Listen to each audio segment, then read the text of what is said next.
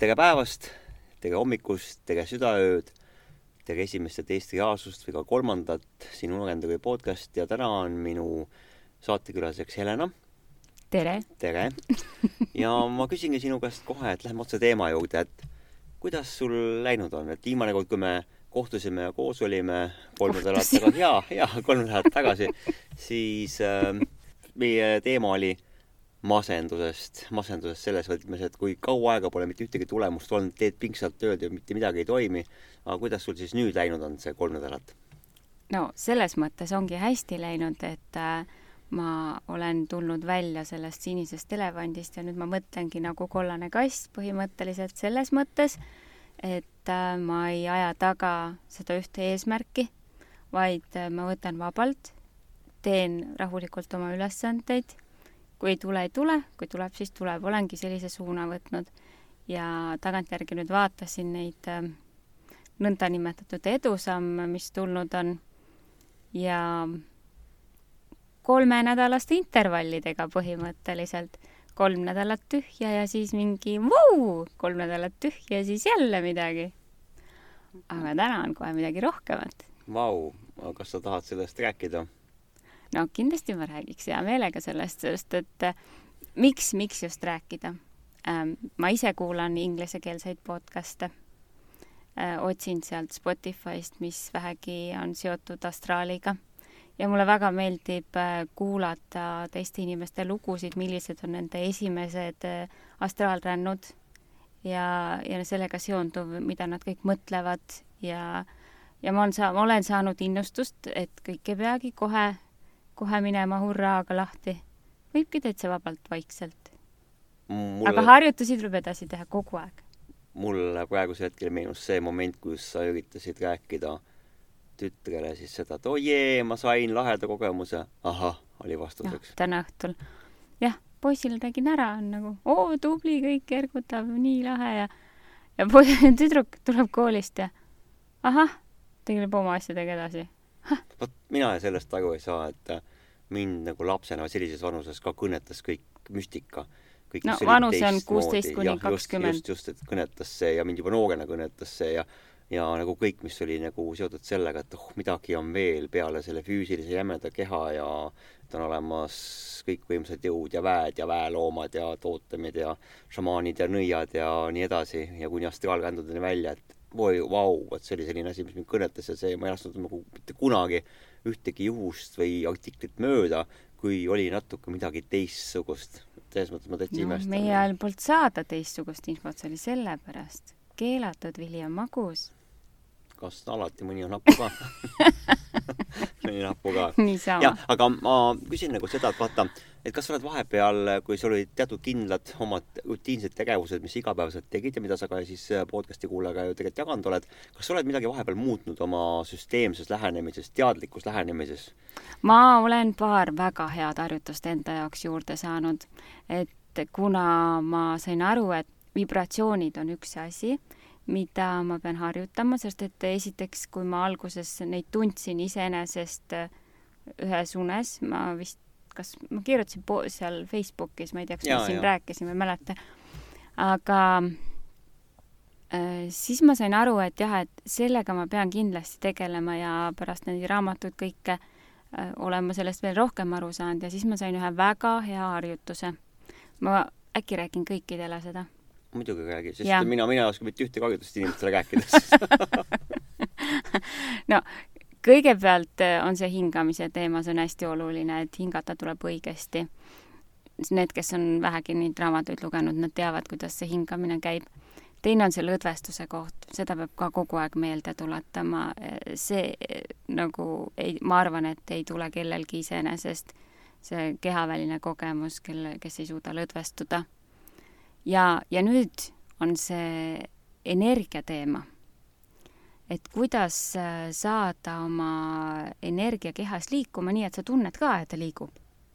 et väga põnev harjutus oli minu arust, oli see, just see lõdvestuse teema all, et äh, ma kujutan ette ühte kohta oma kehas, mis on kõige lõdvestunum. mina olen selleks kohaks võtnud endal südame, sellepärast et see on mul kõige paremaid tulemusi andnud. Ja nüüd ma paar-kolm sekundit kujutan ette seda südame kohta seal ja seda mõnusat lõdvestunud energiat, energiapallina justkui. ja ma selle paari-kolme sekundi jooksul siis suurendan kogu aeg seda energiapalli. ma ei tea, kas sina, Leo, saad aru, mida ma mõtlen? siis ma tean, kas enam-vähem mu jutt on arusaadav ei, ma, ma saan aru, et sa- su süda, südame ümber on pall, mis suureneb no energeetiliselt. põhimõtteliselt seal südametšakra piirkonnas, nii. ja siis äh, kui ta on äh, minu arvates piisavalt äh, energ-, energi-, energeetiline siis, eks ju, et ta nagu puls- pulbitseb. pulbitseb, just sädemeid sealt lausa tuleb, siis ma ühe korraga lükkan ta üle kogu keha laiali, igale poole läheb, ta läheb kätesse, pähe, läheb jalgadesse, kõikidesse üheaegselt niimoodi. ja siis tunnen, tunnen nagu igalt poolt ma tunnen seda energiat. ja siis ta tuleb tagasi niimoodi üle selja, selja siit alg, alumisest osast tuleb üles, välja tuleb. ja siis ma teen seda nüüd paar korda järjest olen teinud äh, lõdvestuse harjutuse juures, et see on, see on nagu ja päeval ka ma vahest teen seda veel. teine hea harjutus oli ka, mis ma teen, on niimoodi, et ma kujutan ette seda valget energiapalli enda südame ees. ja siis jällegi ma teen ta hästi kirkaks ja pulbitsevaks. ja siis ma toon ta südamesse sisse, siia noh, rinna sisse ja siis ta läheb seal veelgi rohkem pulbitsema. ja siis ma teen ta kaheks niimoodi, et teine osa läheb üles äh, sinna kulmude vahele taha, selle koha peale. segad palli nagu kaheks põhimõtteliselt. jaa, aga mõlemad jäävad äh, sama suureks, et ta ei lähe selle võrra väiksemaks. ja, ja siis on nagu ma tunnengi äh, neid kahte energiakera üks on siin südametšakras ja teine on siin pea sees no kas sa kolmandat palli pole mõelnud võtta juurde, et juba ei no kaks ei, sellest on piisav, see ongi see, et ma tahan ju kehast välja minna kas läbi südametšakra või kroontšakra või noh, siit, eks ole. nojah, vaata, on ju väga paljud, kes on kogenud ju astraalrännakuid ja projektsioone ja siis kunanägemist ütlevadki, et vastavalt sellele, millisest energiakeskusest sa teostad oma kehavälise kogemuse ehk selle siis teaduse projektsiooni sõna otseses mõttes, vastavalt sellele ju on ka need unenägemiste ja siis astraalmaastikul toimuvate asjade iseloom. no jaa, seda ma olen lugenud, sellepärast ma nii üritangi. jah, et kui sa lähed äh, väga madalalt välja, siis on huvitavad, huvitavad unenägemised ja kui sa lähed väga kõrgelt välja, siis tulevadki sellised asjad, kus sa võid öelda, et vau, kosmos kõneleb minuga ja tõesti, kosmos kõneleb sinuga. kuule, ma tahtsin ühe asja veel. oh, sul on mingi põnev raamat, ma vaatasin. jaa, ma eile õhtul just sain raamatukogust Astraalrännak algajaile ja, ja siis hakkasime siin õhtul ju lugema. jaa, õige, mina lugesin sulle ja sina lugesid mulle, vaat see on väga oluline ka, et et äh, mulle meeldib tegelikult õudselt see mõte, mis on, et õudselt, see on eestikeelne väga hea väljend on ju, et mulle väga meeldib see mõte, et kui mina loen sulle, loed sina mulle ja vaata see eesti keeles see eesti keele väljenduse mõttes, et kui mina loen sulle, see tähendab seda, et et sa oled minu jaoks oluline ja sa on ju, sa Jaa, jaa, täheldad jaa. mulle on ju. Jaa, ma ei saanud kohe vot arugi. just, just Mm. mm. ja siis see mina loen sulle, sina loed mulle, et see on see vastastikune on ju niimoodi mm, -hmm. Mhm. et ongi väga tore, et et mulle meeldib ka väga, kui mul keegi loeb tegelikult. see on alati teretulnud, kui keegi, kui sina loed kellelegi ja keegi loeb sulle tagasi. ja siis see ei ole ainult mitte selles mõttes, et oo, sa lihtsalt Sa loed loed mulle. mulle, sa loed mulle, eks ju, vot sa loed mulle jah ja, ja siin oli üks hästi naljakas koht, mida me lugesime. alguses kohe ei saanud pihtagi, ma loen teile ära selle ja siis ma räägin edasi. see on nüüd lõdvestuse teema. kui varbad on täielikult lõdvestunud, nihutage teadvus jalalabadesse ja tehke läbi sama toiming. iga kehaosa peale pole vaja kulutada rohkem kui kolmkümmend kuni nelikümmend viis minutit, kui te just ei taju seal erakordselt suurt pinget. no nii, see oli nüüd see progressiivse lõdvestumise teema et äh, nii nagu mul see lõdvestuse meditatsioonis on ka see progressiivne lõdvestamine, et alustad pöidlatest, tuled edasi siis tuharatest ja pea, pähe välja lõpuks, eks. ah, selline nimetus on see või? Kui kui siin on niimoodi kui mina kirjutatud. selle meetodi enda jaoks avastasin, noh, juba noorukina, siis minu jaoks oli lihtsalt, et eh, puhas universumi astraalenergia tungib minusse vibratsioonina, soojusena, eks ju mm. -hmm. No ja näed, lõdvestab mind, onju. see on lausa, nimi on sellele. koges, okei okay,, väga tore. jaa, ja minu arust on see lausa sajand vana tegelikult. ju siis ma sain selle kuskilt sealt ülevalt sellest Akashi kroonikatest. täpselt, täpselt, sa võisid selle kust iganes saada. ja siis me hakkasime ette kujutama, nii, kui ma varbaid lõdvestan kolmkümmend või nelikümmend minutit, siis ma lähen järgmise kehaosa juurde, võtame siis kannad või reied, sääred, paneme kokku need kõik mingi kümme kehaosa ei, rohkem ikka tuleb, onju. Üks, kaks, kolm, viis, kuus, seitse, kaheksa, kümme, kaksteist. aga idee poolest selle jutu järgi sa ei saa alla kolme tunni kuidagi hakkama. mis kolm tundi, kuus tundi läheb vähemalt aega selleks, et kui sul läheb ja kui sa algaja ka veel oled, onju. millal sa ükskord mm. siis elada jõuad? ühesõnaga, see on trükiviga, et inimesed uskuge kõike, mis te luge-, loete, onju, et lehekülg kakskümmend viis jaa, et mõtelge oma peaga ka ja see on ka tähelepanu, et kas keegi üldse tähelegi pannud on, võib-olla sa loedki niimoodi diagonaalis, eks mm, -hmm. ei pane tähelegi. ja siis oledki nagu, iga päev üritad ja varvastest kaugemale jõuda ja magad nagu nogin. selge. igal juhul jah. oota, kelle raamat see ongi? Kirjutatakse, ma ei tea, kuidas ta hääldatakse, Edain on see eesnimi, McCoy, on perekonnanimi. ühesõnaga ta on šotlane. praeguseks juba manalateele läinud. jah. jah, et ähm, jah, ja siis äh,, mis on väga põnev, et äh, kui, kui ma teen neid harjutusi õhtuti või hommikuti või öösel, mis iganes, siis äh, üritan sinna transsi minna ja täiesti võimatu on see, et äh, ühel hetkel hakkab nina nii sügelema, et väga raske on paigale jääda. kas sa oled ka seda tundnud? et nina sügeleb? no jaa, et see tead, nii võimatult, et sa ei saa äh, nagu üldse see olla. see oli viimases jututoas, eks ju, kui keegi ütles seda, et et kas te olete tähele pannud ja, ja, ja Merit rääkis, eks ole, jah. kas see oli Merit või oli hoopis äh, Irja? äkki oli okei okay., ühesõnaga, palju inimesi oli, keegi neist rääkis, naisterahvas oli see, kes rääkis mm. -hmm. ja siis keegi täpsustas, et, et sel hetkel, kui sa hakkad äh, meditatsiooni teostama või üldse hakkad sa, lähed oma egost välja, siis ego hakkab sulle igal hetkel ennast meelde tuletama, et ma olen olemas, ma olen olemas, ma olen olemas ja, ja siis on nii, et äh, ta teeb sulle igasuguseid huvitavaid tundeid. ninaga on ikka väga ja see on, see on nagu tundnud, iga vastik, kord peaaegu see on, no mul on jube suur raskus minna transsi, eks ole. ma visuaal, visuaalselt näen hästi äh, raskendatult, ütleme nii, mul ei ole seda oskust hästi. ja, ja siis, kui ma üritan ja üritan nagu võimalikult trepist allapoole minna, pean ikka väga palju neid numbreid lugema, et äh, allapoole saada.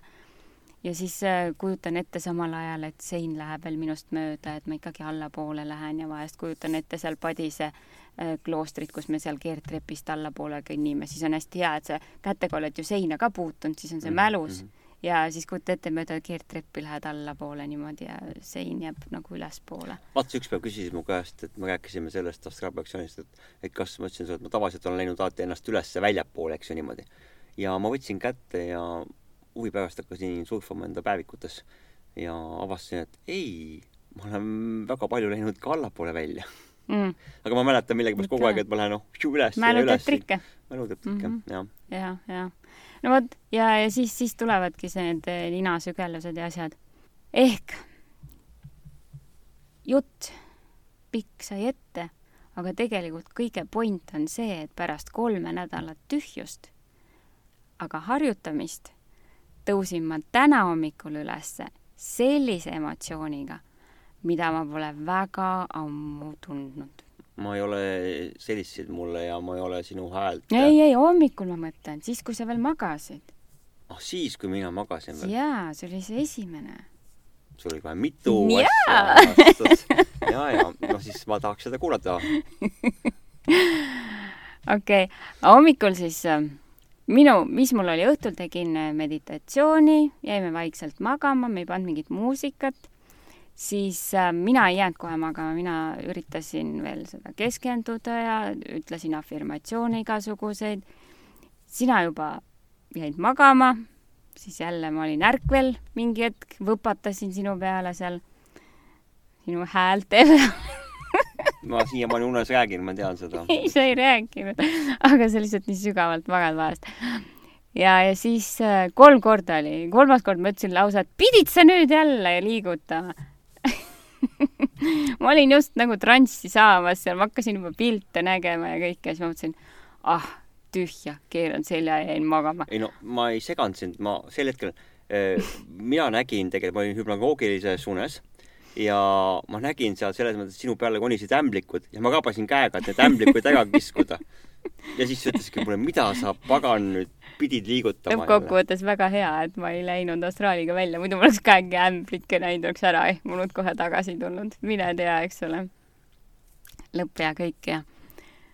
ja, ja siis ma keerasin äh, selja ja külili jäin kägaras magama, ma mõtlesin, aa, ma magan nagu beebi, eks ole, hästi mõnusad tund. nii ja siis mul oli kell helisema pandud kella kolmeks, et mul meeles oleksid need uned, mis ma vahepeal öösel ka näen.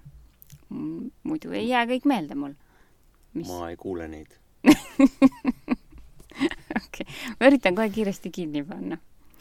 ja kell kolm ma küll üles ei tõusnud, kella ma panin kinni, aga kell neli tõusin ülesse siis. käisin äh, allkorrusel, enne seda ma üritasin siiski hakata mediteerima ei suutnud, siis panin äh, Valge müra JBL-ist mängima, et äkki siis see summutab mul kõrval oleva meesterahva hingamise, hingamise. vabandust no ütle kohe, et vaata, et sinine elevant lokskab, eks ju, et on vaja kollast kass, kes nugub, eks ju. ma ei ole see kollane kass kahjuks. jaa, sorry. aga, aga siis see ei aidanud mind kuidagi, sest et hakkan juba ära vajuma, siis vabandust vahepeal võin muidugi seda öelda, et see on väga meeldiv, et sa naerad selliste asjade üle, aga tead, ma ise, kui ma olen nagu äh, lähen magama ja ma tunnen niimoodi, mu keha vajub, vajub, vajub ja nüüd ma olen kehast väljas. Ja siis ma kuulen, ma olen ise kõrgemal ja pagan, ma norskangi, mu keha magab seal ja ta norskabki. ja see on selles mõttes hästi huvitav olla astraalis ise kehast väljas ja kuulda, kuidas su keha norskab. aga sa oled ka juba, no päriselt, vaata no,. see ei jäägi mind üldse ka no siin jah, aga vaata, ükskord oli ju, et äh, ma äratasin su ülesse, ma arvasin, et mis sul viga on, aga sa olidki astraalis, et see oli hoopis teistmoodi sihuke. sa arvasid, et ma suren ära, ma olen surnud, sest ma, hingamine muutub. ja muuseas, ma olen seda tähele pannud ise ka, et, et astraalis olles äh, hingamine aeglustub meeletult et keha läheb mingisse nagu hoopis mingisse teise siis, siis füsioloogilisse süsteemi, kus ta hakkab nagu mingeid motoorseid, motoorseid talitusi tegema hoopis teises rütmis kui nagu tavaliselt.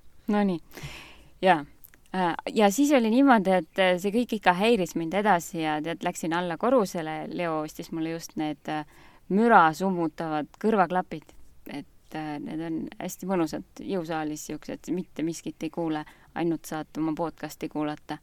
Ja, ja siis ma paningi need kõrva. mõtlesin, et nii nüüd ma kuulen ainult müra summutust ja panin selle valge müraga. ja ise väga indu täis, et nüüd mul on kõik hästi ja, ja ma saan juba kehast välja ja nii edasi, nii edasi, ütlesin afirmatsioone, tegin kõiki asju. kaks tundi passisin seal siis mul sai täielik villand. ma lihtsalt ei kannatanud enam, võtsin need kõrvaklapid ära kõrvast, keerasin jälle külili, aitab, mina mis, magan. mis, mis, mis meelsusega, aga sa tegid seda oma selle jonnakusega.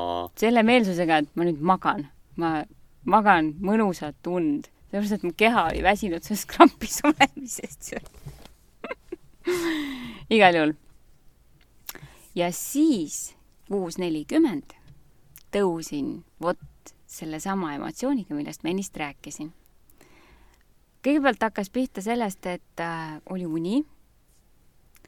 Me olime sealsamas voodis. Siis see uni ja siis oli nii, et eh, tütar, kes on praegust küll peaaegu täiskasvanu, aga siis sel hetkel ta oli seal unes mul mingi kaheksane või niimoodi, ei olnud, veel noorem oli ta tõenäoliselt, võis olla äh, mingi viie-kuueaastane. Äh, hüppas tuppa meie voodisse, Leole sülle kohe ja siis ma jäin vaatama, põrnitsema või mitte põrnitsema, vaid jõllitama, jõllitama. ma olen nüüd avastanud, et kui ma hakkan midagi jõllitama, see on nagu, Leo, sinu loomuomane tegevus mis on sind sihile viinud, sellepärast ma olengi seda, sa võid ise rääkida, aga see on nagu, sellepärast ma praegu olen hakanud äh, ja ma, jõllitama unes ja, ja ma olen saanud unenägemist tänu sellele. Äh, hea podcast'i kuulaja, kes sa ei tea, kes, kes, kellega ma ei ole kokku puutunud ja kes mind ei tunne, siis mul on see komme, et mul meeldib inimesi jõllitada. Ja ma jõllitan inimesi igal võimalikul moel, igal pool, avalikes kohtades, töö juures, koosolekutel, äh, trans-, ühistranspordis, kus vähegi võimalik, äh, avalikes randades ja, ja, ja nii edasi, et see ongi see, et, et ma jään inimest vaatama teises tähelepanus ja see tundub kõrvaltvaatajale just sellisena, et ma jõllitan neid või ma ei tea, mis iganes seal toimub, aga see ongi noh, see, see, see saab tähelepanu. no sul nagu tardub, silm Jaa, tardub. jaa, sa ei vaata niisama nagu, aga ta tardub justkui. ja sa oled alati vahest nagu piinlikkust tundnud sellepärast, et mida sa jõllitad. no jaa, eks ma pean koputama, et kuule, tule tagasi siia, et teistele võib see ebameeldiv tunduda. aga ma sain sellest aru, et tänu sellele oledki sa neid unenägemisi nii palju saanud, sellepärast et seal ongi seda vaja sa peadki hakkama jõllitama mingit ühte objekti, eks. vot, ja ma võtsin selle üle. aitäh sulle! palun, ja jõllitamisel on üks hea asi veel, et tavaliselt, et on olemas kaks momenti selles jõllitamises. üks jõllitamine on selline, et mul mõtted kaovad, kõik mõttemustrid peatuvad, ma jõllitangi läbi teise tähelepanu, ja teine on see, et vahest käib seal mõttetegevus. ma jõllitan inimest, sest ma saan aru, et midagi on teistmoodi et oluline ongi see, et sa pead ju olema kogu aeg teadvusega valvas. no jaa, just seesama, see teine variant, eks ju. ja nüüd oli üks töökaaslane, üks äh, kena noor tüdruk oli ja ma vaatasin, midagi on teistmoodi. midagi on teistmoodi ja ma ei saanud aru, mis asi teistmoodi, ma ütlesin, aa, sul on juustes midagi teistmoodi. ta oli ühe väikse salgu teinud blondiks endal kohe märkasid, märkasid. teadus märkas seda kohe. jah, jah. et, see on väga hea asi, see jõllitamine. ma ei ole nüüd päriselus seda, ma ei tee, aga unenägemist ma olen hakanud juba tegema ja tänu sellele ma olen saanud teadlikku unenägemist. et äh, ma seal hakkan mingit asja jõllitama või kedagi ja siis vaatan, kes sa oled, mis su nimi on? noh, nii nagu siin oli paar päeva tagasi. ja seesama teema, ma räägin siis kiiresti ära juba, et äh, olin äh, kuskil ruumis ja seal oli mingi poiss minu tütre kõrval ja mõlemad olid väikesed, mingi viieaastased. see poiss nägi välja nagu Frodo oli ta vist ta ütles, et, et oli ja kääbikust. ja sealt kääbikust, vot. aga hästi peenikene ja väikene oli ja siis ma jäin teda vaatama niimoodi jõllitama. Läksin tema juurde, panin käe ta rinna peale, küsisin, kes sa oled, mis su nimi on? ja siis ta üritab seal vingerdada siia ja sinna ja, ja küsin mitu korda ta käest, siis ta vingerdas ennast lillede vahel ja seal olid mingid toalilled. ja siis Leon ütleb mulle selle peale, ta kirjutab sulle. aa ei, ma küsisin ta käest veel, et mis see sõnum sul on, miks, mis sa mulle öelda tahad? ma arvasin, et noh, et kui mingi võõras element äkki tahab mulle öelda midagi, lootuses, et saan mingi huvitava asja on ju teada. aga tõenäoliselt oli ta lihtsalt mingi võõrteadus ja, siis Leon ütleb mulle selle peale, kui see oli ära käinud, ta kirjutab sulle jah, vaata, eelmine õhtu me just rääkisime, sa küsisid, et mida ma tegema pean, onju, siis me rääkisime seda, et noh, sa peadki nagu märkama neid äh, teisi. me rääkisime võõrteadustest. me rääkisime võõrteadustest, et märka neid, et nad käivad, nad käivad meie unenägudes, nad käivad seal parasiteerimas, mõni käib nautimas, onju. ja ongi see, et kui sa neile oma tähelepanu ja fookuse paned, siis nad üritavad sealt ära nihverdada. ja mul on ka tehtud seda, et et ükskord see võõrteadus oli, ma olin tal nii lähedal, ma võtsin tast kinni, ma ei lasknud teda minema, ütlesin mm, -hmm. ma ennem ei lase sind minema. ma ka võtsin rinna pealt eelduses, et ei, ma võtsin, ma võtsin rinnust kinni nii nagu peab võtma. nojah, okei okay., järgmine kord ma teen nii. ma võtsin kinni ja lastud lahti niimoodi, et ja siis ta tegi mulle siukse trikki, ütles, et vaata, oh, ja näitas näpuga niimoodi, niimoodi selja taha ja ma vaatasin ja sel hetkel ta vaihtus, ta muutus mingisuguseks imelikuks siukseks kaardikepiks, mis siis lendas, lendas läbi õhu ta oli selline pehme kaardikepp, mis lendas läbi õhu, temast sai komeedi saba järgi, siis ta läks läbi ruumiseina ja kadus minema mm okei okay. aga mul jäi nüüd pooleli seesama tänahommikune unenägemine, kõigepealt oli uni, eks ole, siis äh, ma sain aru, et ma olen unenägemises, ütlesin, et äh, see ei ole päris. Leon haihtus ära, sina jäid alles ja siis ma vaatasin oma käsi. mu käed ei olnud nii nagu tavaliselt unenägemises, mul käed on mingisugused erikujulised, seal pliiatsid mm -hmm. ja mhm. mis iganes asjad, vaid äh, mu käed paistsid läbi ainult õrnalt piirjooned olid paista, nad kumasid heledalt. see on astraalile iseloomulik. nii, ma olen seda kuulnud ja siis ma mõtlesin, vau, ma olen astraalis. aga see oli teistsugune astraal, see oli nagu mingi ajast tagasi astraal, vaid kõik need emotsioonid ja siis ma nägin terve see aeg, kui ma seal olin, eh, Leian hüppas seal ühest kohast teise, ühest teise, no ta meil hästi elav laps oli sihuke. ja tuiskaski kogu aeg ühest kohast teise ringi. ja siis ma lähen sealt vooti ümbert eh, mööda ukse juurde, kus meil praegu uks on. Eh, kogu aeg ma vaatasin aeg-ajalt käsi, sellest ma tundsin, et äh, energia kaob juba, et ma hakkan kehasse tagasi minema. ja, ja jõuan sinna ukse juurde, poeg oli seal kägaras maas, magas. Eh, ka mingi tillukene, onju. ja siis vaatan seda ust ja ust ei ole. on ainult ukseraamid justkui ja need on ka veel katkised. ja siis ma juba olin kehas tagasi ma sain aru, et ma olin astraalis, aga kuidagi teisel tasemel, et see tekitab minust niisugust, noh, küsimärke, eks ole, aga no algaja asi. siis teine asi see, et kui ma üles tõusin, siis ma sain aru, et mhmh, miks ma seal ust ei näinud, oli sellepärast, et tol ajal, kui lapsed väikesed olid, meil oli uks teises kohas meil ei olnudki seal ust, me ehitasime selle ukse sinna, alles hiljem tegime natuke ümber meil seda kodu. maja kasvas ja arenes koos laste vajadustega ja just, just, just. ja, ja tol ajal me magasime kõik ühes toas, ühes suures toas ja seal, nii et äh, täiesti loogiline, et kõik nad seal äh, tuiskasid ja, ja käisid ringi. siis läks Leo tööle, minul oli vaba päev. Läksin uuesti magama õigemini voodisse, võtsin, äh, kuulasin seda enda lõdvestuse meditatsiooni. ma ei jõudnud lõpuni sellega, jäin seal, äh, kus tuli ennast äh, raskeks teha, seal jäin juba magama. ja mingil hetkel hakkas pihta unenägu unenägu läks üle jällegi selliseks, et ma hakkasin jõllitama, ma seda nagu pikalt ei räägi, unenägu, aga ma hakkasin ühte tegelast jõllitama. Ja siis ta, ta oli parasjagu, ta oli tantsija ja laulja, see laul oli ka kõrval. Ja kui see läbi sai, siis ma elasin hullult kaasa eestlase moodi, nii et kui laul sai läbi, siis ma tõstsin käe üles. Kogu minu kaasaelamine ma mõtlen, sa tõstsid nii, tõstsid, tõstsid niimoodi. tõstsin käe üles niimoodi, näpud laiali.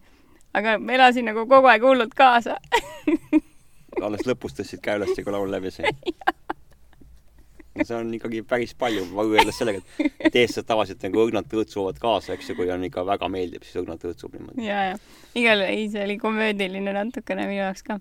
aga igal juhul, tõenäoliselt ta midagi trigeris seal ja siis ma läksin trepist alla ja sattusin uude kohta, kus ma istusin kõrvuti ühe naisterahvaga, õigemini vastakuti. tema rääkis mulle oma lugu, oma, põhimõtteliselt puistas oma südant mulle. Äh, ma tundsin talle kaasa, võtsin ta käe enda kätte, poetasin pisara ja siis ma kallistasin teda. ja sel hetkel, kui ma teda kallistasin ma tundsin rinnus jällegi sedasama tunnet, mis ma siin vahepeal olen nagu astraaliga, kui ma olen püüdnud nagu välja minna. tundsin niimoodi, et nagu äh, täispuhutud õhupall tuleb rinda ja siis järsku plaks ja ma olen teises kohas. ja siis ma sain aru, et vau, mis ma olen astraalis. no sinnamaani oli kõik nagu niimoodi noh, niivõrd-kuivõrd, eks ju, päris äh, ei olnud isegi teadlik unenägu ja, ja siis ma vaatan, et oo ma näen ennast voodis, kas ma olen reaalaja astraalis. vaatan lähemalt, ei, see ei ole mina seal voodis. siis see oli hoopiski mingisugune kaheteistaastane ilma juusteta tüdruk. umbes selles vanuses võis ta olla. vaatab mind ja ehmub ära. siis vaatan edasi, seal on suur maja, äh, kõik on voodeid täis nagid või need äh, narid on seal ka, kõikidel on ühesugused voodilinad, valged linad ja sinised äh, lillelised äh, tekid ja padjad. ja kõik need, kes üles tõusevad, need lapsed ehmuvad minu peale ära. mis, mis sa siin teed umbes niimoodi või kes sa või ei, kes nad ei ole, kes ei küsinud, aga lihtsalt näha oli, et nad ehmusid korraks ja lähen sutsu edasi, seal on siis õpetaja või kasvataja, teeb ukse lahti teistele veel, keda nad, keda ta üles ajab ja tema ei ehmu minu peale ära. tema ütleb, oo, sa ka siin, kena nene, kena nene, niimoodi kena, ütles. mitte kenakene, vaid kenanene. kenanene, kenanene, nii kenane või kenane vist, kenane oli niimoodi, et see unes kostus väga kummalisena, see liide seal lõpus. sõna pole olemas nagu kenane. ei, ei, ei, liides kostus ja väga imelikult. ja, ja siis ütleb, et sind juba ammu oodatakse. nii. ja ümberringi kogunesid lapsed minu ümber ja siis ma ühte last neist kallistasin jällegi. ja ma, nii kui ma kallistasin teda, ma tundsin jälle sedasama tunnet rinnus ja pauhti olen teises kohas. vaatan, on koridor. pisikene koridor oli ees on uks, teen ukse lahti. Lähen ruumi sisse. tundub niisugune natuke räämas ruum olevat, palju asju seal ei olnud, mingisugune suur kast oli keset ruumi äh, ja mõningad asjad olid veel, aga, aga see olemine seal tundus lihtsalt ebameeldiv. ma mõtlesin, et täitsa lõpp, et olengi nüüd sattunud kuskile madalamale tasemele, tead, et mada-, maaga tead sarnase vibratsiooniga madalamale tasemele. Et ähm, see on see, kui nagu ei, ei suuna oma asju. ja siis, kuna mulle seal ei meeldinud, mõtlesin, et mine tea, mis seal veel juhtuda saab, siis ma panin silmad kinni ja kujutasin ette, et ümber minu on kõik valgus, valge pall, ma olen valge pall ja ma lähen kõrgemasse vibratsioonitasemesse. nii. ja pauh, ma olin jälle ukse taga, teise ukse taga. Ja, ja teen ukse lahti see on sama minu magamistuba. nii. ja seal on, magamistoas on minu lapsed, kõik need jälle mingi seitsme-kaheksa-aastased äh,, siis on naabrilaps veel seal, siis on veel mingid lapsed seal tuiavad minu ringi. lapsi polnud, sinu lapsed olid neid. Sorry sinu lapsed ikka ka. kõik ei olnud naabrilaps, ma loodan, ei ole sinu laps. selge, selge aga jällegi sattusin aega kuskil mingi kümme aastat tagasi, eks ole. ja, ja siis ma mõtlen, et aitab küll. niimoodi ma jäängi suvalistesse kohtadesse hüplema. ma tahan minna kõrgematesse dimensioonidesse. ja siis ütlesin, taotlusi jäin seisma, ütlesin tahan minna kõrgematesse dimensioonidesse ja kohtuda seal oma kaitseinglite või kaitsevaimudega. ja siis läksin, kallistasin ühte nendest lastest, siis tundsin jälle seda survet siin rinnus ja käis nagu sihuke pauh nagu ja olin järgmise ukse taga. nii, teen ukse lahti. seal ukses on, ukse taga seal ruumis on naised, nii no meievanuselised umbes, sagivad seal toas tuba on täis riiuleid, kaste, kappe, igast asju on seal. ja kohe ukse juures, seal on ka pilt. pildi peal. pilt on ise mõõtudest, on piklik, kuskil kakskümmend või ütleme, viisteist korda kolmkümmend senti, selline pilt oli nagu puuplaat isegi ütleks. ja selle peal on äh, kahes reas 3D äh, kujud äh, loomadest. kas nagu reljeefselt, kas nad olid 3D-s okay niimoodi sinna peale nagu, oletame, et sa liimid nagu midagi, nagu käbiliimid okay. puidu peale mm, -hmm. siis jäävad niimoodi. ja esimese ma sain aru, see on nahkhiir. teistest oli mul raske aru saada. küsin seal, midagi seletatakse, aga ma ei saanud üldse aru, mis loomaga kas, see kas teine kee, oli. kas keele poolest ei saanud aru või? ei, ei, ma ei saanudki aru teised, mis on aa, see, see, et küsitakse. kelle keel, jah? ei, ma ei tea, ta ütles nagu midagi, aga ma ei saanud sellest aru, ma ei tea, kas ta ütles siis sellise võõra sõna, millest ma ei saanud aru. Äh, miks ma seda küsin, sellepärast et kui ma olen olnud Austraalias ja ma olen sattunud ka väga paljude teadlastega kokku ja olen küsinud asju, siis on äh, vahest teised teadused, kes ei ole siit meie tasandist ja meie maailmast, nad ei räägi meiega, meie, meiega, meie ei teistest mõist, asjadest ma sain aru. mõistetavas keeles ja mul on olnud niimoodi, et, et mul läheb hetkeks aega, ma saan aru, et ma ei saa tema keelest aru ja siis see tõlge läheb nagu paika, nagu keeratakse tõlge paika või ise keerad selle tõlke paika ja siis ma hakkan, et muutub eesti keeleks mm. ei no ma sain teistest okay, asjadest okay. aru. ja siis kolmas oli seal ma küsisin, kes see on, no siis see on šimpans. aa no muidugi, siis ütlen, no ma saan aru, loomulikult see on ju, näeb ju šimpansi moodi välja, kuidas ma siis nagu aru ei saanud, et see šimpans on nagu rumal mina onju. ja siis ma ei julgenud enam kahte viimast küsida rumal näen välja rumalaid küsimusi pole olemas, on rumalad vastused olemas. aga see selleks. ja siis äh, sealt üks naine nendest ütleb, et tead, need naised nägid tegelikult enam-vähem kõik ühtemoodi välja ka üks, üks oli natuke teistsugune. palju neid naisi oli siis seal? mingi kuus või midagi niimoodi. mismoodi nad riides olid? ma ei oska öelda täpselt, mismoodi nad riides olid. kleidid. kuidagi, jaa, kleidid, kõik olid ühtemoodi. vanamoelised.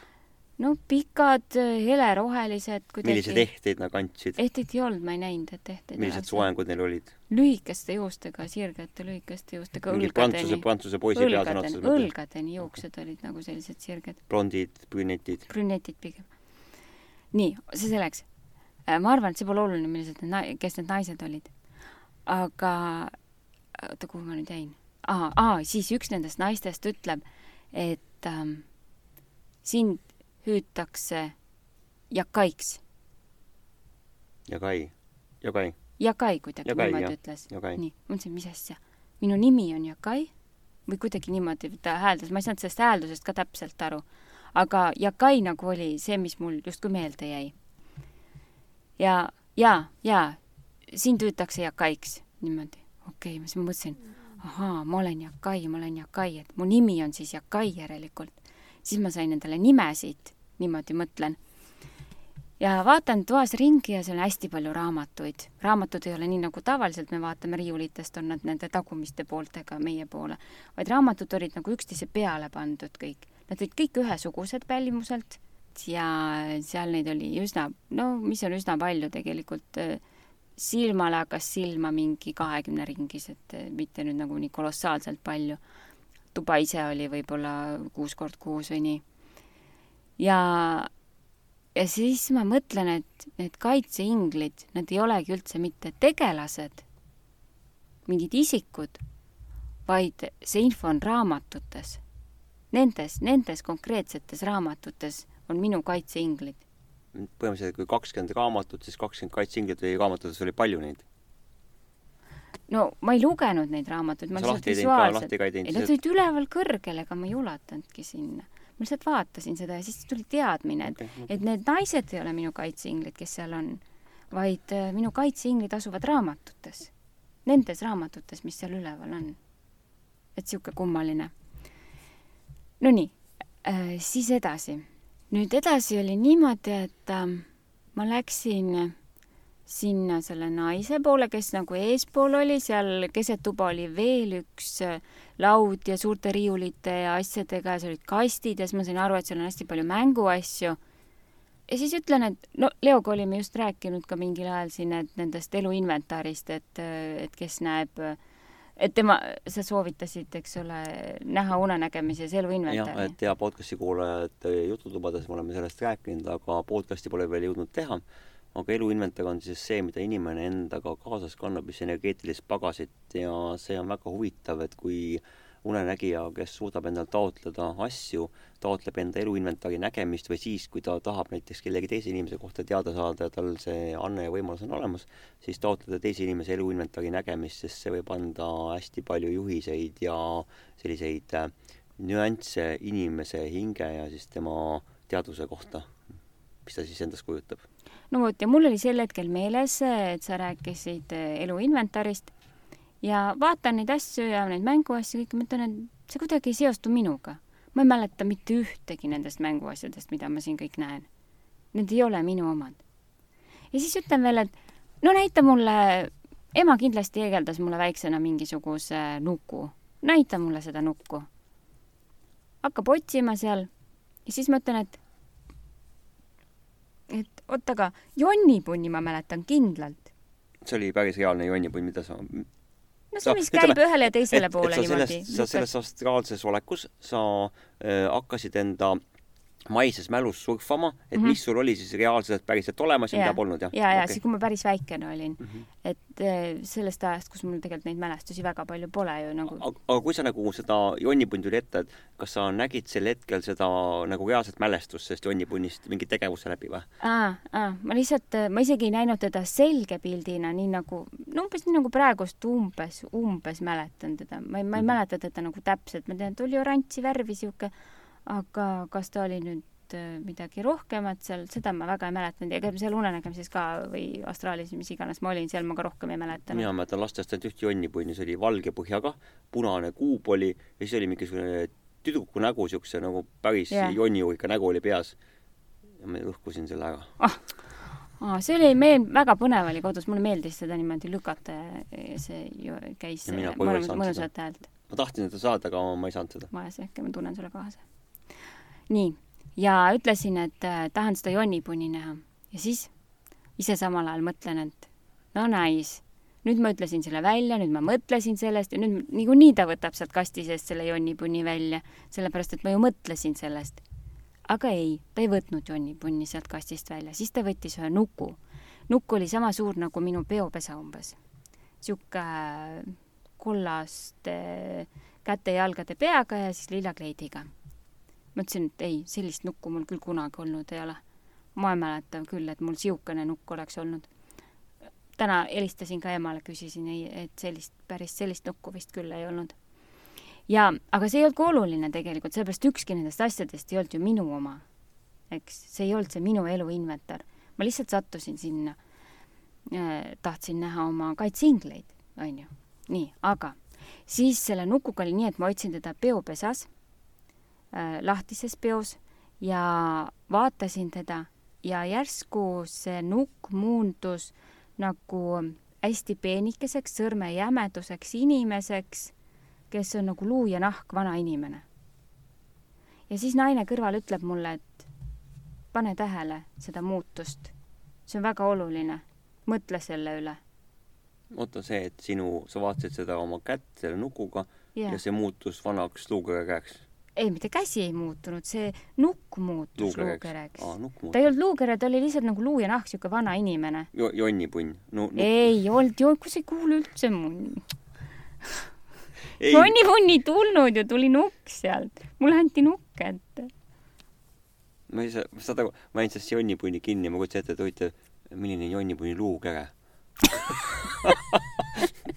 ja, ja siis sa, ma ei teagi, mis sa vahepeal rääkisid, ma olin jälle, ma, ma jõllitasin oma sisevaemusest praegu ma räägin sulle pärast uuesti okay., ma ei hakka teist okay. korda siin rääkima. igal juhul point oli selles, et ma pean äh, nüüd selle peale siis mõtlema, ma ei tea, mis see tähendab, ma ei kujuta ette. aga olgu, küll ta ükskord tuleb, nii, ma siia ei hakka selle, ja tihti ongi need unenägemised ja, ja astraalis väljakäimised, need on ju enda sisekaemused tegelikult ju et aga lah, las ta siis olla. nii, ja siis ütleb keegi, et kuule, et sa pead äkki tagasi minema. ütleb, mis mõttes? et äh, see on nagu nii eriline siin aa, ta ütles veel seda, et äh, äkki sa muidu ei mäleta. noh, olen ju lugenud raamatutest, et esimesed äh, kehas väljas käimised peaksid olema nii kümne se-, sekundilised. ja siis ma ütlen seal, et kuule, lõpeta ära, et et see on nagu nii eriline siin, et äh, mul ei lähe kunagi, see ei saa meelest ära minna, see ei ole võimalik lihtsalt, et see meelest ära mul läheb. aga teate, hakkasin sees ikkagi pabistama. tuli, tuli niisugune pabin sisse, aga mine tea, ma olen ju küll ikka nii kaua juba praegu ära olnud. äkki, äkki siiski. ja siis hakkasin mõtlema, et okei okay,, ma pean nüüd tagasi minema. ja läksin sealt ruumist välja, leidsin ühe lapse jälle ja kallistasin teda ma ei tea, mis teema sellega. ei, me teame küll, mis teema sellega on et.... nojah, ei tea, kõiki asju ei pea rääkima. nii. ja, ja siis äh, olen pauhti jälle magamistoas. nii. ja nüüd selles magamistoas on kolme seina ääres äh, ütleme kokku mingi kakskümmend kasti, iga seina ääres mingi osa kakskümmend korda kuuskümmend kastid ja nendes kastides niisugused puidust kastid nagu oleksid. Ja nendes kastides on mitte päris beebid, aga niisugused laste moodi beebi mõõtu äh, lapsed, jah, ütlekski niimoodi. esimese seina ääres olid nad üsna laste moodi, teine sein, seal oli neid mingi kuus tükki jällegi äh,, olid nad juba niisugused pooleldi nagu lapsed ja pooleldi nagu nukud ja juba vaatan kolmanda seina äärde, seal on kõik nukud. aga ma tean, et mul on kiire juba kehasse saada, ma ei taha siin kuskil teistes kohtades olla, jälle mingid lapsed, lapsed siin, lapsed seal. ja siis keerutasin ennast ja siis ma olen toas, magamistoas, aga jama oli selles, et ma ei olnud mitte voodis ega enda kehas, vaid meeter allpool voodit ja mõtlen, no nii, kuidas ma nüüd siit ülesse saan, aga ma oleksin justkui nagu koos madratsiga seal allpool voodit olnud, ma ei tea, ma ei, ma ei näinud, et ma oleksin seina nagu selle mm, seinte sees olnud, noh, lae vahel, eks ju mm. -hmm. aga ma olin madratsi sees kuidagi ja siis vaatan ülesse ja umbes meeter kõrgemal ma tean, et ma magan seal. nii, ja mõtlen, et noh, kuidas ma nüüd oma kehasse lähen, et ma tahtsin ju kiiresti tagasi minna, et ma ei unustaks midagi ja hakkasin siis tegema seda teadvuse põrgatamise harjutust mm. -hmm et kujutan ette siin äh, otsa ees siin sees on mul see pall onju ja siis hakkan nagu välja meetri allpool, meetri allpool siis. ja, ja, ja noh, et natuke liikuma saada, et, et ma ei oleks ühe koha peal. ja teen seda põrgatamise harjutust ja olengi tegelikult kohe ko kehas sees ja, ja raputan ennast ja, ja nii kui ma sinna sain, ma olin nii rõõmus, et ma mäletan, ma mäletan, ma mäletan onju, et ei kadunud ära midagi. ja siis kohe helistasin Leole ja no vot, vot see, see oli sihuke uhuu, uhuu, juhuu elamus, mida ma ausalt mitte kunagi ko- ei ole unes kogenud. vaata, ja see oli nii huvitav, et me just eile või äkki üleeile rääkisime sellest, et et sa kuskilt lugesid jälle, et et noh, inimesed, kes saavad astraalkogemuse, et see unenägemise kogemus kahvatub, on ju. ma tahtsin just rääkida sellest, jaa no,. ei, ei, ei, mul tuli meelde lihtsalt, et, et äh, tahtsin öelda, et kui sinnamaani vaata, ma sain esimest korda unenägemist, onju, vau, ma saan unenägemist, mul on käed, onju, unes, ma saan käsi vaadata, ma olen unes, päriselt ma olen unes. ja nüüd, kui see astraal äh, tuleb sinna juurde, see ei olnud küll see reaalaja astraal, onju, see oli teine et äh, mis on huvitavam? ei no mis asi on reaalsus? reaalsus on see, millest sa oled ärkvel ja teadvuselt, see ongi reaalsus no. tegelikult on kõik, mis sinuga toimub reaalaja siis toimub. Aga see on müstika, vaata, seal on nagu nii palju müstikat sees, et sa pead ise hakkama kõike see välja mõtlema, mis see tähendab sinu no, jaoks. nüüd sa saad aru, millist elu ma olen elanud et sa, sa oled küll seda pahaks pannud, onju, et ma püüdlen mingi imelike asjade poole või niimoodi, noh, arusaamatute asjade suunas või niimoodi, aga nüüd äh, mul nagu meeldib see, et äh, et kõik need asjad, mis on olnud sinu jaoks arusaamatud, tulevad sulle saadava, saavad nagu arusaadavaks ja põhjustavad sulle samasuguseid toredaid emotsioone ja elamusi. just toredaid, et ja. ma ikka pigem äh, niimoodi, et ma saan toredaid emotsioone. ja, näed, kui oli see ruum, ma kohe kujutasin ette, et ma tundsin seal ebameeldivalt mm. ennast, et see ei ole nagu see ruum, kus ma olla tahan. kujutasin ette, et ma olen üleni valges, eks, äh, teises vibratsioonis ja tšu. Äh, ma imestan seda, kui plastiliseks oled tegelikult muutunud, et kõik need, et me räägime, noh, suht palju oleme nüüd rääkima hakanud, eks ju, nendest teemadest ja vaata see, et sa võtad, võtad nendest asjadest nagu niimoodi hästi kergesti niimoodi vauh, plauhti-pauhti, võtad kohe kinni ja oskad neid asju nagu enda siis sellistes selgetes hetkedes teises reaalsuses kasutada. no mul on seal ju meeles, et see, ma ei ole ju nagu udu sees, eks ju. see on, ma olengi reaalis ju. ja kui sa seda juttu nagu praegust rääkisid, et mis sa siis kogesid, siis no minu jaoks nagu kohe match'is ära niimoodi, et, et mul on nagu, et noh, see ongi see, et see ei olnud sul unenägu, see ei olnud sul unenägemine, vaid see oligi mingi teise reaalsuse kogemus, sellepärast et seal on nagu hästi palju detaile, mis sellele viitavad, on ju, kõik need uksest läbi minemised ja siis see pauh järgmises mm. kohas, pauh järgmises kohas on ju samas see teadlikkus sealjuures on ju niimoodi.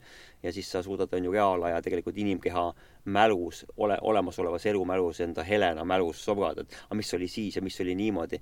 ja see, kui muidugi hakatakse neid nimesid ütlema, ma olen ka küsinud, et mis mu nimed on ja ma olen lasknud erinevaid nimesid, ma olen neid üles kirjutanud ka, et et mis on seal äh, väga iidsed nimed ja mis on natukene uuemad nimed ja mis on täitsa tundmatud nimed, onju. et milline neist rohkem kõnetab ja nad on nagu alati kõik kõnetanud, aga vaata, see, mis sa praegu ütlesid, Jagai, onju, et see mm, -hmm. sa kui sa mulle helistasid ütlesid, et oh, mu nimi on Jagai, onju, siis mul oli üks ja ainukene asi, mis kohe nagu tuli selle peale. et äh, kõige kõvemad maailma unenägijad on Jagai indiaanlased ja eestlased ütlevad, mina eestlane, nad ongi, ütlevad, ma olen mm -hmm. eestlane, onju, mhm. terve rahvus, kõik on, mina eestlane.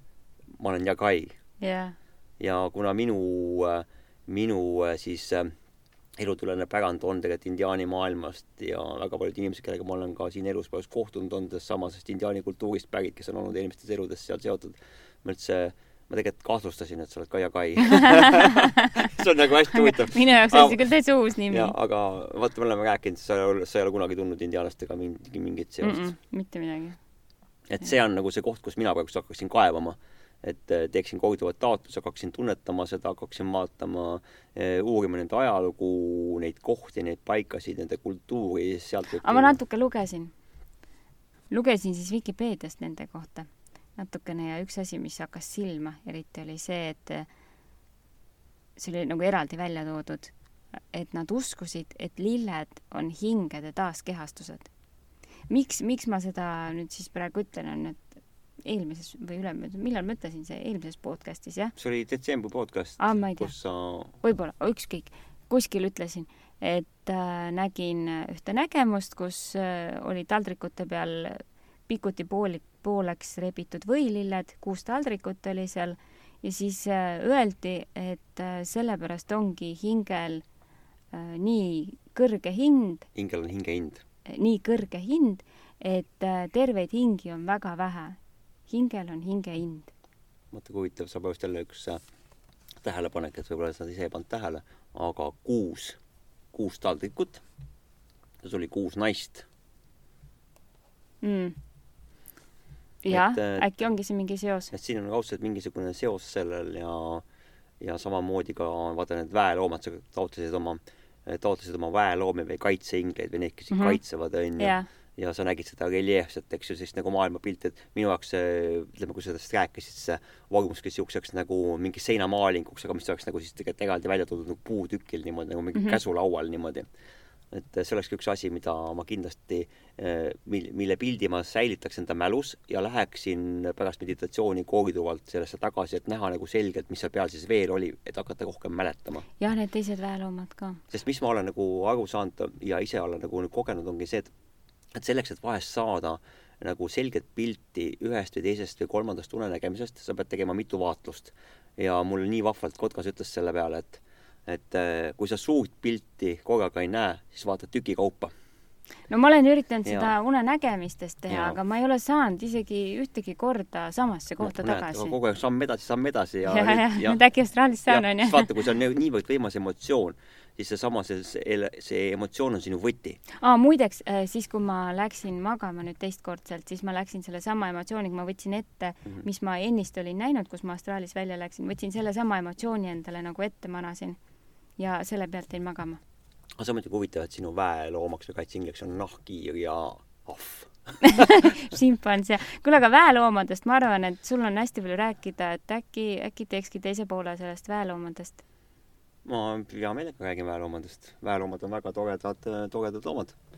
et äh, paljud unenägemistes sumedatel kadadel siis liikujad on oma olemuselt ju läbi käinud šamanistliku teekonna varasemates teadusvormides.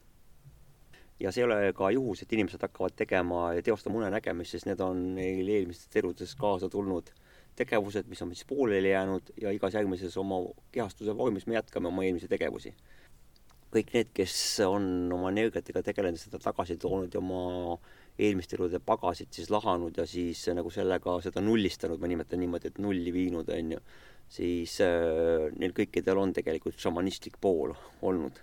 Ja nad on olnud, nad on seda praktiseerinud ja see on see pärand, mis tuleb kaasa ja tahad sa seda või sa ei taha, aga sa käid sellest läbi.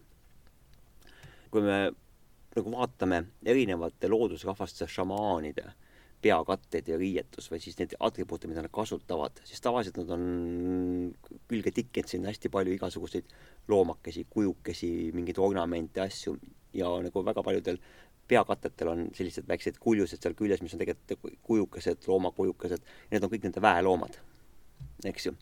ja mina olen ka näinud enda peakatet äh, ja ma ei hakanud seda siia maailma tooma, ta on mul olemas, ma võin seda kasutada, ma tean, milline ta välja näeb, on ju, aga sa ei pea kõiki asju siin reaalis nagu järgi tegema. et kummi ma tegin, on ju, mõned muud asjad olen veel, veel teinud niimoodi järgi, aga seda peakatet ma ei hakanud tegema, et see on mul, kuna seal sees on elav, elav loomakujutis on seal sees, kes elab selle sees, et, et väga raske on teha puuri ei hakka panema kedagi. ja ma ei hakka kedagi puuri panema, on ju. Mhm.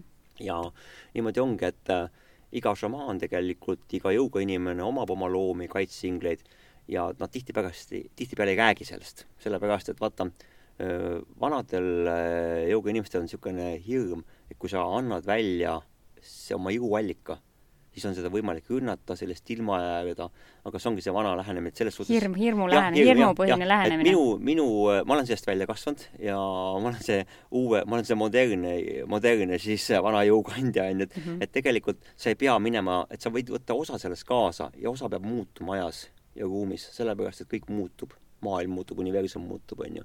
kõik me oleme vabad tulema, vabad minema ja ma suhtun alati väga suure austusega enda tootemite soovidesse, kui nad on tulnud ja kui nad on ära minna tahtnud aga vaat vanad šamaanid, nemad ei räägi sellest, et tooted, nende, nad tulevad, neil on nagu üks suur loomaaed on nendega kaasas, nii inventari poolest kui ka siis kui ka siis on ju nende tegemiste poolest. keegi tuleb, see loom ongi põhimõtteliselt temaga seotud ja jääbki tema külge kinni.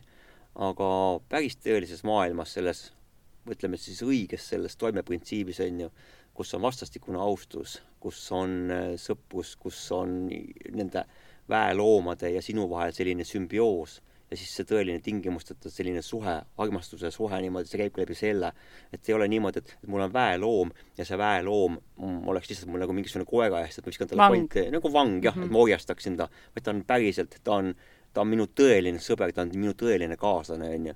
ja see on õpetanud mind nagu ma ütlen, mul on olnud hästi raske inimeste maailmas siin inimesi usaldada, eks ju, kõiki inimesi, mitte kellegi suhtes pole hinnaalandust teinud, aga mul pole olnud nagu mitte kunagi nagu raskusi selle väeloomadega ja siis nende kaitseinglite baasilt nagu nendega suhestuda, nendega rääkida ja nendelt siis saada seesama asi, mis on nagu siin maailmas puudu jäänud aga ma olen õppinud nendelt just nimelt, et seda usaldust ja vaikselt on ka siia maailma, eks ju, ma olen nüüd juba viiskümmend vana, onju, ja juba ma olen õppinud seda, et, et, et igalt poolt ei, ei ole nagu seda, ei ole vaja karta seda, et sulle tõmmatakse nagu kott pähe selle põhjal, et mis sa räägid. jah on loomulikult inimesi, kes, kes, kes kasutavad, kes ka tahavad seda ära kasutada ja on tahtnud seda ära kasutada ja on ka kasutanud seda ära, on ju, aga nende inimestega on väga lihtne, Joe Baka ja kogu moos, on ju. Mhm.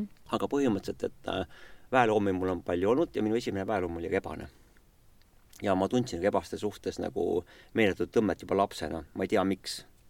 aga ma tundsin, mulle meeldisid rebased, mulle meeldis rebase hääl, mulle meeldis rebase välimus ja öö, äh, see esimest korda, kui ma taotlesin, mõtlesin, ma soovin oh,, ma olen unenägemises, ma soovin näha oma väelooma mm. -hmm. ja see väeloomaks äkitselt, ma olin ühe suure iidse järve ääres, seal oli selline üksik puu, mis kasvas. ma olin seal puu najal nõjatasin ja vaatasin ringi. äkitselt tuli minu juurde rebane ja räägib minuga inimkeeles. tere, sa kutsusid mind, mina olen sinu väeloom mm. -hmm. ja mõtlesin, vau, ja siis sel hetkel muuseas ma viisin kokku et mäletad, oli, äh, kui lapsed olid väiksed ja ma läksin nendega siis äh, kahe lapsega koos Elistvere, Elistvere loomaparki. ja sind ei olnud, ma ei tea, kus sa tegid, mis sa olid või? äkki sa kuskil välireisil olid? kas sa vist ei rääkinud ühes podcast'is? ma ei mäleta, äkki ei rääkinud. ei, me rääkisime äkki jututoas sellest, aga ühesõnaga sealt selles loomapuu juures, ma läksin loomapuu juurde, seal olid hirmsad hambamärgid, ei tohi puutuda, hammustab, kiskja bla,, blablabla, onju. ja mina tunnen, et see on jama jutt, see rebane vaatas mulle otse silma ja ma läksin, panin oma näpud, panin läbi selle puuri ja see rebane tuli minu juurde, nuusutas mind ja pööras oma pea ette ja ma hakkasin teda paitama. ma ütlesin lastele, tulge siia. ja lapsed tulid sinna, ma ütlesin, paitage seda rebast. ta on sõber, ta on õige. siis me kõik paitasime seda rebast ja mäletan, kuidas laste silmad segasid. ja sel hetkel, kui ma seda rebast puutusin, äh, mind läbistas mingi elektrilaeng, hoopis teistmoodi tunne, et äh, see oli õige asi, mis ma tegin et kuigi vastu igasugust loogikat, vastu igasuguseid semiootilisi märgisüsteeme ja seda, et nagu, et noh, et üks kisa ei peaks oma lapsi viima on ju looma, et ütleme, et noh, et karupuur on seal, et kuninga pange oma käed sisse, karu on sõber. aga ma tundsin, et see on õige, see peab, see peab niimoodi olema. ja sel hetkel, kui see toimus, ma ei saanud aru, mis tähendus sellel on. aga siis, kui see rebane tuli minu juurde hiljem selles unenägemises, siis ütleski, et, et ma olengi sinu tootem. ma sain aru, et see on seesamane rebane, seesama see rebase hing on ju, et ta on nagu astraalmaailmas. ja me tegime temaga nagu igasuguseid lahedaid asju. ja ühel hetkel oligi niimoodi, et kui ta oli oma töö ära teinud, siis äh, sattusin unenägemisse ja tuleb ta minu juurde ja ta oli haige välimusega. ütleb mulle, et sa oled mind ära unustanud. et äh, ka väeloomadega ei ole niimoodi, et sa nagu omad neid ja sa, sa ei toida neid ja mina vaatasin otsa talle, ütlesin, mis mõttes, et ma olen pärast siin selles teises reaalsuses on ju, et siin on energeetikat, ma ei saa ju sulle siia saata maksa või kanasid, on ju, et mm -hmm. mismoodi on ju see, et mida sa mõtled, ma olin täitsa hämmingusse selles mõttes, et kuidas saab tulla väeloom öelda mulle, et et sa ei toida mind või sa oled mind unarusse jätnud niimoodi. aga ma olin siiras selles mõttes, ongi see, et vaata, et, et äh, vahest me teeme asju teadmatusest, me ei ole teadlikud on ju, et kuidas asjad toimivad ja mind ei ole mitte keegi õpetanud, vaid need on ise tulnud läbi nende kogemuste. ja siis ta vaatab mulle otsa nii armsalt, ütleb niimoodi, et et see, kui sa näiteks päevasel ajal enda reaalsuses lähed ja võtad endale maitsva lihatüki ja paned selle suhu, siis sellel hetkel sa mõtled selle peale, see lihatükk, kallis rebane, on sulle. see on sulle. kui sa midagi sööd, see on sulle. ja siis mul klikkis ära, et aa, ma ei ole, kuidas ma nii rumal olen, et kuidas ma pole selle peale tulnud, et, et see ongi see teadvustatud tegevused, et kui ma süütan tule põlema, tuli, see puutükk on sulle põlemiseks, vesi see asi on sulle, maa, see väetis on sulle. et see ongi nagu kõik see suhestumine, et, et kuidas me anname edasi, et me võime seda teha lihtsalt pillates neid asju, on ju, ja need ei jõua kohale, aga kui sa teed seda mõtestatult läbi oma hingestatuse, siis see jõuab sinna, sinna teise maailma kohale, jõuab ka nende väeloomadeni kohale. ja siis ma ütlesin, et loomulikult, ja ma muidugi palusin andeks siis ma tegin talle pidusöögi. ja siis läks aeg hiljem mööda ja ta tuli kolmandat korda ja ütles niimoodi, et mul on nüüd aeg lahkuda, et ma pean minema pensionile. et äh, meie teed lähevad nüüd lahku. et mitte sellepärast, on ju, et ma ei tahaks olla ja ma ei peaks jääma sinu juurde, et see on sinu valik mind hoida kinni, aga tõeliselt, ütleme siis, sina kui väega inimene, et sina oled minu jaoks väega inimene ja mina olen sinuga jaoks väega loom, aga nüüd on mul teised väljakutsed, ma pean edasi liikuma, aga selleks pead sina andma selle hea heakskiidu, hea sellise nõusoleku selleks. ja siis oligi niimoodi, et ma ütlesin talle loomulikult, alguses tekkis siuke tunne, et mis mõttes nagu minu, minu rebane. minu rebane on ju, läheb minema, läheb minema, et ja tekkis see minu tunne lõi kogu aeg niimoodi hetkest, ütleme, ta ei löönud seal, aga selline mõte, ma tabasin selle mõtte enda seest ära mm, -hmm. et lõi see minu välja niimoodi, vaata inimestel on ka, et minu mees, minu naine, minu lapsed, eks ju et ma ei ole kunagi tahtnud seda minu rõhutada, et mul pigem, ma taandan sellest minu endast ära, onju, mulle ei meeldi, et kui keegi näiteks mind omab või mina kedagi teist oman, ma ei oma mitte kedagi, onju, see on lihtsalt see vabadus, onju. et, et me oleme kas koos võrdselt, võrdsete suurustena, onju, F võrdub miinus F-iga, või on niimoodi, et et see ei saa olla ühele poole kaldu, et see tõeline universumi tingimusteta suhe ongi võrdne alati inimeste vahel, võrdne väeloomade inimeste vahel, võrdne kõikide teadvuste vahel mm. -hmm. ja siis mõtlesin, et loomulikult et mul on küll kahju, aga ma soovin sulle kõike head, ma annan sulle veel kaasa energeetilise pagasi ja mine. ja siis ta vaatas mulle nii armsalt vastas otsa, ütles niimoodi, et öö, me kohtume veel. see ei ole viimane kord, kui me kohtume mm.. ta tänas mind ja läks minema. ja tead, nagu universum ei salli tühja kohta. kui üks väeloom läheb, tuleb teine ja kui Eban oli ära läinud siis juhtus niisugune asi, et mul olid ka vahepeal linnud olid, harakad olid, seda mul oli ka päriselt harakas, on ju, et nii huvitav, kui see pole, ma märkasin seal seda äh, sünkroonsust omavahel. et need loomad, kellega mul olnud lapsest saati, selline nagu väga tore suhe, mingi teistmoodi, ma tunnetan seda ära, et see on mingi teistmoodi suhe, siis nende loomade suhe põhineb tegelikult sellel teadmisel, et mul on nende loomadega side mm. -hmm. ja nii ongi nii, et et, et see võib olla, sa tunned ära juba ette, et miskit on erilist sinu suhtes selle loomaga ja siis hiljem see tõestabki, tulebki välja, et oo, aga sellepärast oligi, et see loom ei ole lihtsalt niisama loom. et meil on omavaheline see hingeline suhe hoopis teises tasandis, mis on juba ette määratud ja mis peab tulema. ja see oligi nii, et sa mäletad küll seda, kui see tihane mul lendas õla peale mm, -hmm. eks ju. et oli üks tihane, kes lendas vastu klaasi ma võtsin ta peo peale ja vaatasin, ta on surnud, oligi täitsa elutu, liikumatu. ja hästi paljud linnud on meil on ju sellega niimoodi nukkunud, et lendavad vastu klaase. ja ma võtsin siis selle tihase endale pihku niimoodi ja puhusin talle nagu niimoodi hinge sisse, täpselt niimoodi võtsingi, et oma kõikide jõuga, kõikide teadmiste, oma, oma kõikide tunnetustega ma puhun sul nüüd tagasi elusse, ma puhun sul hinge sisse, puhusin peale ja hetke pärast ta toibus, hakkas liigutama ja siis ma mõtlesin, et nüüd sa oled juba toibunud, et ma viskan sind õhku. Nüüd sa võid minema lennata, sa oled vaba minema.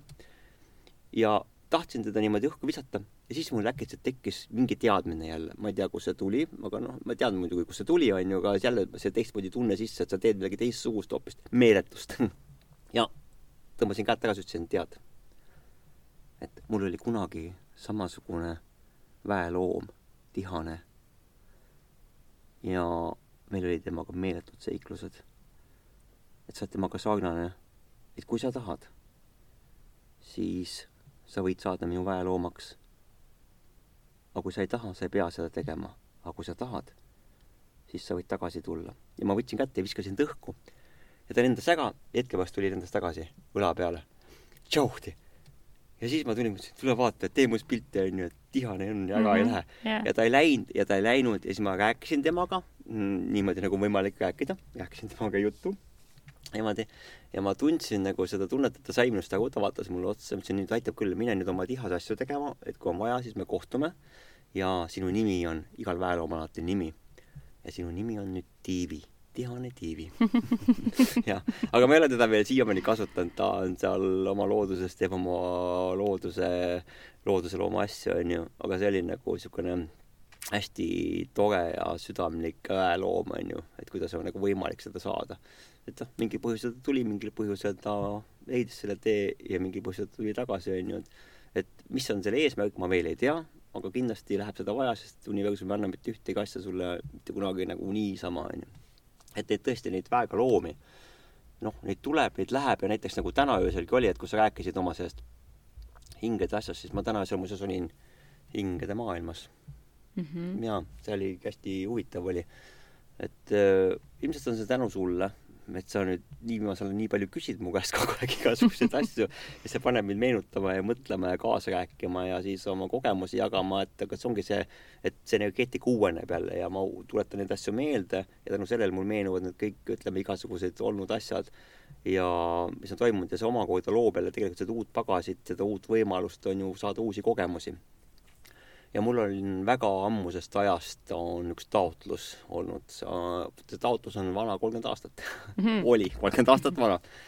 ja see oli üks unenägemine, üks võimas unenägemine, kus ma äkitselt olin maa ja taeva vahel ja karjusin siis justiitset nime enda suust välja, mis pärast siis osutus, kui ma hakkasin uurima erinevaid, ütleme, ajalooallikaid, et selle nimeline siis on olnud selle nimeline suur ja võimas hingede hoidja Aadonan ja minu jaoks ta oli selline tol hetkel, kui ma seda tegin, oli niisugune vaenlane, keda oli vaja korrale kutsuda ja siis ma tahtsin temaga kohtuda selleks, et äh, rääkida läbi, mis on õige, õige, õigesti ja mis on valesti, onju.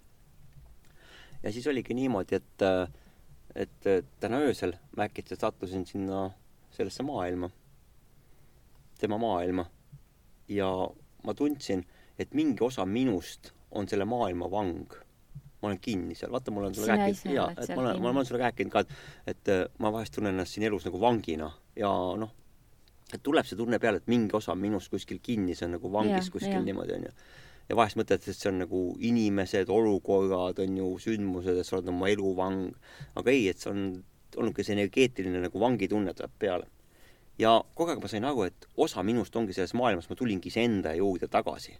jõudsin iseenda juurde ja kui ma esitasin küsimusi, kus ma olen, siis mulle hääl ütles nagu teenise, teisise hääl ütles niimoodi, aga see ei olnud nagu niimoodi, nagu ma tavaliselt temaga suhtlen, vaid see tuli nagu seekord nagu kaugemalt nagu, tuli hoopis nagu eemalt niimoodi, et, et sa oled tema maailmas, onju, ja siin on palju vange, mitte ainult sina ei ole vang, vaid siin on palju vange. ja siis ma hakkasin seal vaatama ringi ja märkasin, et see maailm oli äh, selline ütleme, seal oli hästi palju niisuguseid obiliske, obiliske nagu nimetatakse, niisuguseid jõuga ehitatud eh, stuubasid, sambaid, seal oli imelikke ornamente, asju ja korraga minust tekkis selline meeletu jõud ja mulle anti üks atribuut, mul tekkis kätte üks atribuut, ma pole selle, selle, sellise, selle kujulist varem asja näinud. ja ma võtsin kätte ja selle samasuguse asjaga ma hakkasin lammutama seda maailma, lõhkuma. ja üks sammas, mis koosnes kelladest, see oli nii imelik, see sammas oli nagu mingi iidne akropoli sammas, peal ornamendid, asjad, ja seal olid kõikvõimalikud erinevate kellade versioonid, mitte nagu maised, aga ma sain aru, et need on kellad, aga need on mingid kosmilised kellad.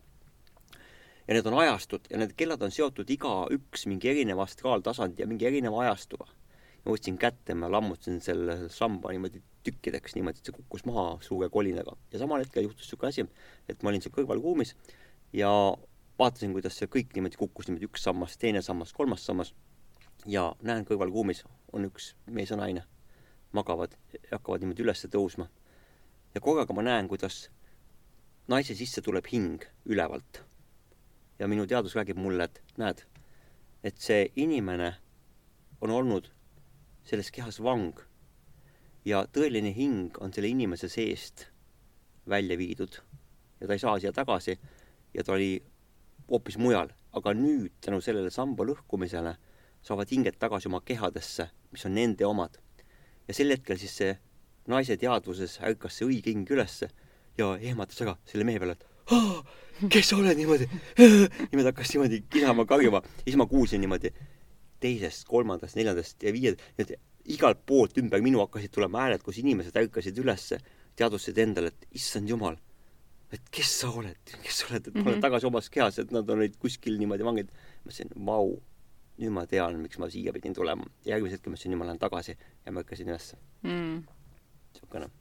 et siin on ka mõttekohti mul, mis seal nägin ja mis seal toimus. jaa, selle peale võikski öelda, et tegelikult need, need on väga põnevad ja praegust ma olen ise ka saanud nüüd kogeda seda põnevust, mida pakub astraalmaailm ja unenägemine ja see on nüüd, tegelikult me anname ju selle podcast'iga, meie idee on anda teile inspiratsiooni, et teie ise saaksite kogeda seda kõike. jah, kõik need asjad, mida me räägime, vaata, mina kunagi rääkisin sulle, sul polnud kogemusi mm. -hmm. aga nüüd on need sinu kogemused, sa saad neid ise kõrvutada iseenda kogemustega mm -hmm. ja me leiame seda, kui palju sarnased need asjad on.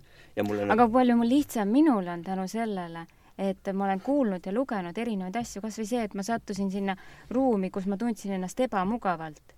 ma kohe teadsin, mida ja. teha ma ei hakanud nagu oi, mis, kes nurga tagant tuleb a la taolist teemat, eks ju, või, või ma ei jäänudki sinna kauemaks aa, ja mis muuseas veel oli, et ükskord ma ühe teise taotlusega tahtsin näha oma kaitseingleid ja siis rivistasin nad kõik niimoodi viisakalt, selles mõttes alati on hästi viisakas, ei ole niimoodi, et rivistan lihtsalt rivistusüki ja siis ma käisin iga nende, jah, ja, läksin igaühe nende ette, vaatasin neile, jõllitasin neid samamoodi läbi, läbi unenägemise mm -hmm. jõllitasin, küsisin, kes sa oled, mis su nimi on, millega sa mind kaitsenud oled, mis mm -hmm. sa mhm. teinud oled, ja tead, mis olid, et mul on selles elus ju olnud väga palju niisuguseid kogemusi, kus ma oleks võinud surma saada ja siis ütles, aga mina olen see, kes hoidis ära selle sul, aga mina olen see, kes hoidis ära sul selle niimoodi. ja siis ma käisin, nimestasin ja vaatasin seda kodu, mõtlesin, issand, kui palju neid on ja ma pole teadlik olnud. ja muuseas, seal oli ka päris inimesi selles elus, kes on olnud minu jaoks väga olulistel positsioonidel. ja elavad praegu elavad veel praegust mm, -hmm. onju.